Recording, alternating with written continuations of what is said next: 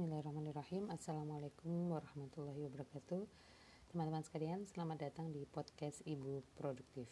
Di sini kita akan membicarakan hal-hal seputar ibu rumah tangga, parenting, pendidikan, dan produktivitas.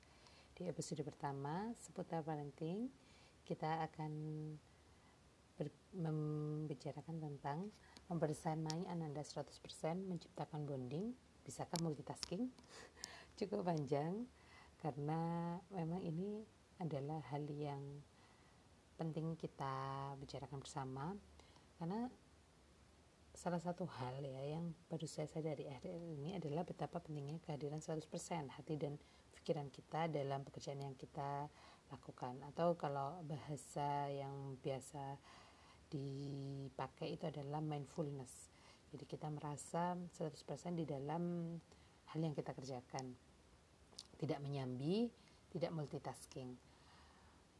Kalau biasanya kan terkenal ya wanita itu terkenal sebagai salah satu makhluk yang hobinya multitasking dan ahli multitasking itu jadi satu kebanggaan gitu.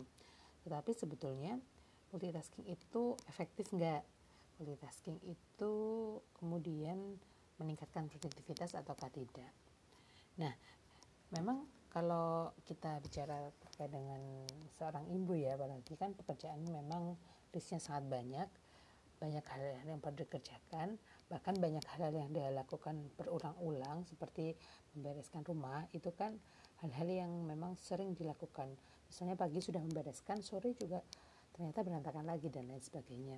Sehingga biasanya eh, ibu-ibu memilih untuk melakukan multitasking. Misalnya saat menggoreng sekaligus menumis, terkadang sekalian beres-beres dapur. Atau saat menemani anak, aktivitas sekalian balesin chat, dagangan, atau sekalian juga e, masak gitu ya. Jadi banyak sekali aktivitas yang dilakukan secara bersamaan. Belum mela selesai melakukan yang satu sudah melakukan hal yang lain. Nah, padahal ternyata setelah saya baca-baca juga mendengarkan beberapa YouTube ya. Kalau waktu itu saya mendengarin YouTube-nya uh, Gita Satri Fitri Devi ya Gita Saf dan juga video di Teh in, Teh in Asia. Ternyata uh, multitasking itu memberikan beban tersendiri terhadap otak. Jadi nggak nggak efektif gitu loh ternyata. Jadi uh, kadang juga kita akhirnya um, justru nggak profesional gitu nggak profesional dalam melakukan hal tersebut. Karena memang tadi karena mem membebani otak sehingga apa yang kita lakukan menjadi justru tidak berkualitas ya justru tidak berkualitas. Akhirnya menjadi setengah-setengah.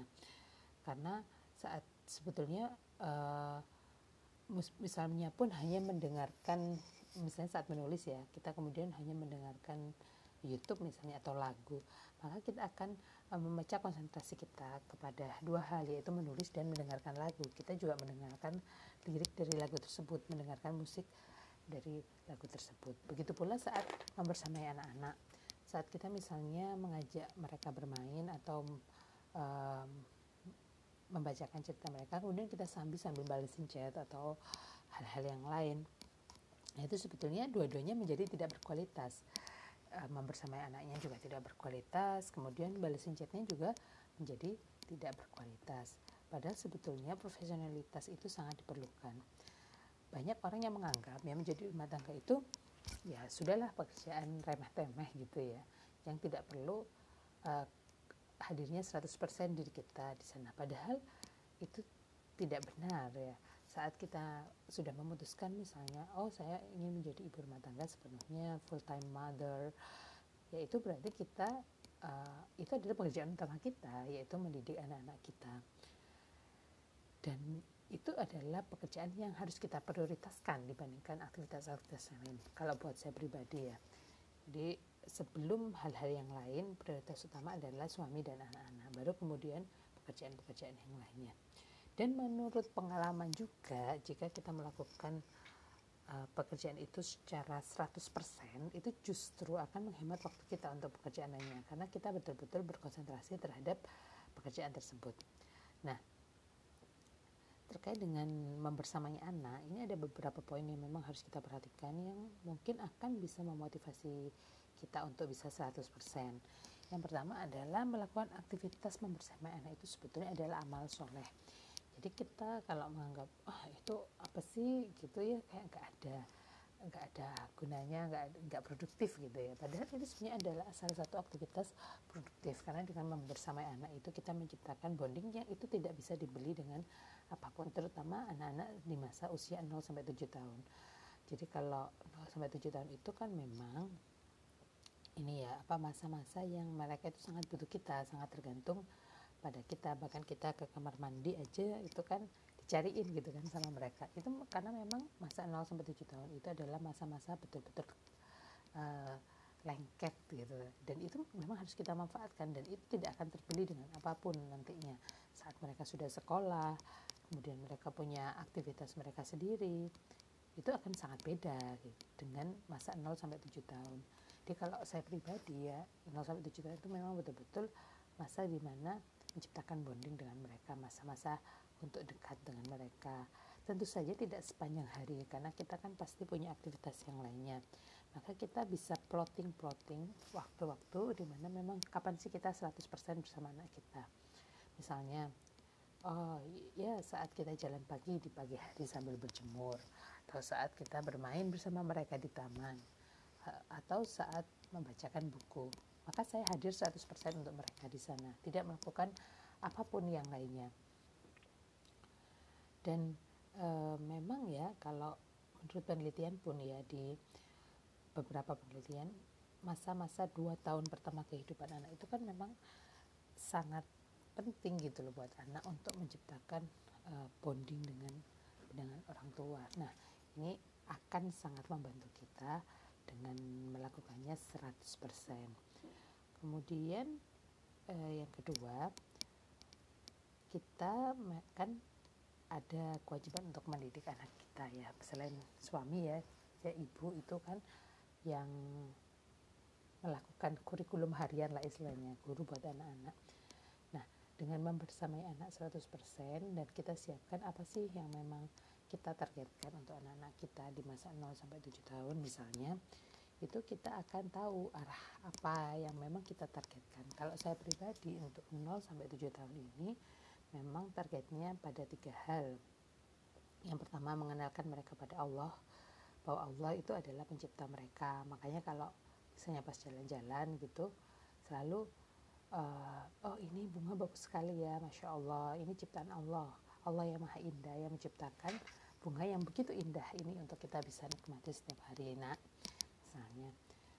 Yang kedua, targetnya selain yang tadi ya mengenalkan Allah sebagai sang pencipta mereka sehingga mereka jatuh cinta kepada Allah eh, yang kedua itu fitrah mereka itu tumbuh dengan baik.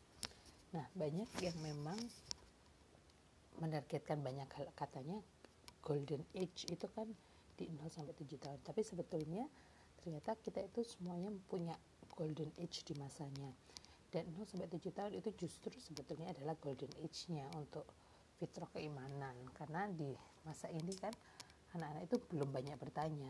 Kalau mungkin di atas 7 tahun dia akan lebih ke fitrah belajarnya karena dia lebih banyak bertanya lebih kritis. Kalau di 0 sampai 7 tahun itu imajinasinya yang luar biasa gitu kan. Imajinasinya yang luar biasa. Sehingga untuk menanamkan keimanan itu sangat efektif gitu loh sangat kuat di masa 0 sampai eh, 7 tahun ini nah dengan kita membersamai anak 100% kita akan bisa menetapkan target-target tadi. Yang pertama tadi uh, mengenalkan Allah ya, mengenalkan Allah, membuat mereka jatuh cinta pada Allah. Kemudian yang kedua fitrahnya tumbuh baik dan yang ketiga adalah mengenal mengenal mereka. Nah, ini juga sudah dikembangkan sebetulnya ya sama UNESCO dan UNICEF di PBB bahwa ada nantinya kurikulum yang personal untuk setiap anak dengan menggunakan artificial intelligence. Nah, kalau saya pikir sebetulnya orang tua itu yang pertama kali harusnya mengetahui ya mengetahui anak saya ini sebetulnya karakternya seperti apa, sukanya apa. Karena setiap anak itu memang berbeda. Mungkin ibu-ibu atau teman-teman yang punya anak lebih dari satu itu pasti akan mengiyakan, oh iya ya, anak saya itu antara yang satu dengan yang lain itu pasti ada perbedaan walaupun kita melahirkan dari melahirkan mereka ya dari rahim yang sama gitu maksudnya. Kemudian cara kita mendidik juga sama tapi ternyata mereka itu memang nggak sama. Nah dengan membersamai anak 100% itu kita bisa mendapatkan target ini yaitu target untuk mengenal mereka. Anak pertama contoh ya ini saya kan punya tiga anak yang pertama Rehanun. Ya Hanun itu lima setengah tahun. Saya punya buku gitu ya. Buku ya di Google Doc aja. Nggak nggak nggak nggak ditulis di kertas gitu nggak di Google Doc. Itu saya punya uh, kalau menemukan sesuatu yang unik itu akan saya tulis gitu ya. Seperti Hanun itu dia anaknya suka banget untuk buat-buat sesuatu. Kayak do it yourself gitu. Dia tuh suka banget. Jadi kayak bikin tas bikin kerajinan apa kerajinan apa gitu. Dia tuh suka banget. Nah kalau uh, yang Ayas yang kedua umur tiga setengah tahun itu dia ya seperti anak laki-laki pada umumnya ya, ya suka mobil-mobilan. Tapi dia itu lebih suka eh, hal-hal uh, yang kayak membantu orang lain gitu loh. Kayak lebih empati gitu sama orang. Jadi kalau di, kalau disuruh itu lebih cekatan gitu. Dan dia itu suka uh, kayak hal-hal yang berkaitan dengan pemadam kebakaran gitu. Bahkan dia itu kayak kalau pas jadwal nonton video jadi kalau saya tuh punya ada jadwal nonton video gitu. Ini nggak sepanjang hari nonton TV karena nggak ada TV juga. Tapi uh, boleh lihat video yang bermanfaat. Nah dia itu bisa sangat uh, konsen gitu ya ngelihat uh, kayak misalnya apa sih ambulan apa sih pemadam kebakaran. Jadi kayak memang yang berhubungan dengan menolong menolong orang gitu dia itu suka banget. Nah ya Iskana yang nomor tiga itu perempuan tapi memang dia itu dari dari kecil itu nggak mau diatur kayak pakai baju ini ya pakai rok aja itu sekarang nggak mau maunya tuh pakai kaos yang gambar mobil dan sebagainya gitu ya. Jadi setiap anak itu ternyata uh, Allah itu udah ngasih fitur-fitur unik gitu pada diri mereka yang tidak dimiliki oleh anak anak yang lainnya. Nah, dengan membersamai anak 100% itu juga efektif untuk mengenal anak eh, kita dengan lebih baik. Jadi itu sangat penting. Dan ini sebetulnya penting juga untuk aktivitas yang lain ya, nggak hanya membersamai anak. Jadi saat kita memasak misalnya, maka one tasking itu akan lebih efektif daripada multitasking memasak sambil mencuci piring itu tidak efektif. Lebih baik kita selesaikan dulu memasak baru kemudian kita mencuci piring dan seterusnya. Uh, baik. Semoga teman-teman sekalian uh, bisa mengambil manfaat ya dari apa yang kita bicarakan selama 13 menit.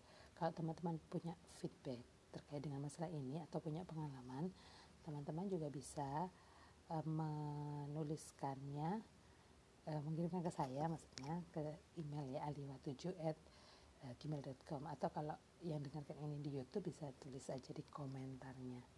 Terima kasih. Assalamualaikum warahmatullahi wabarakatuh. Sampai jumpa di episode episode parenting berikutnya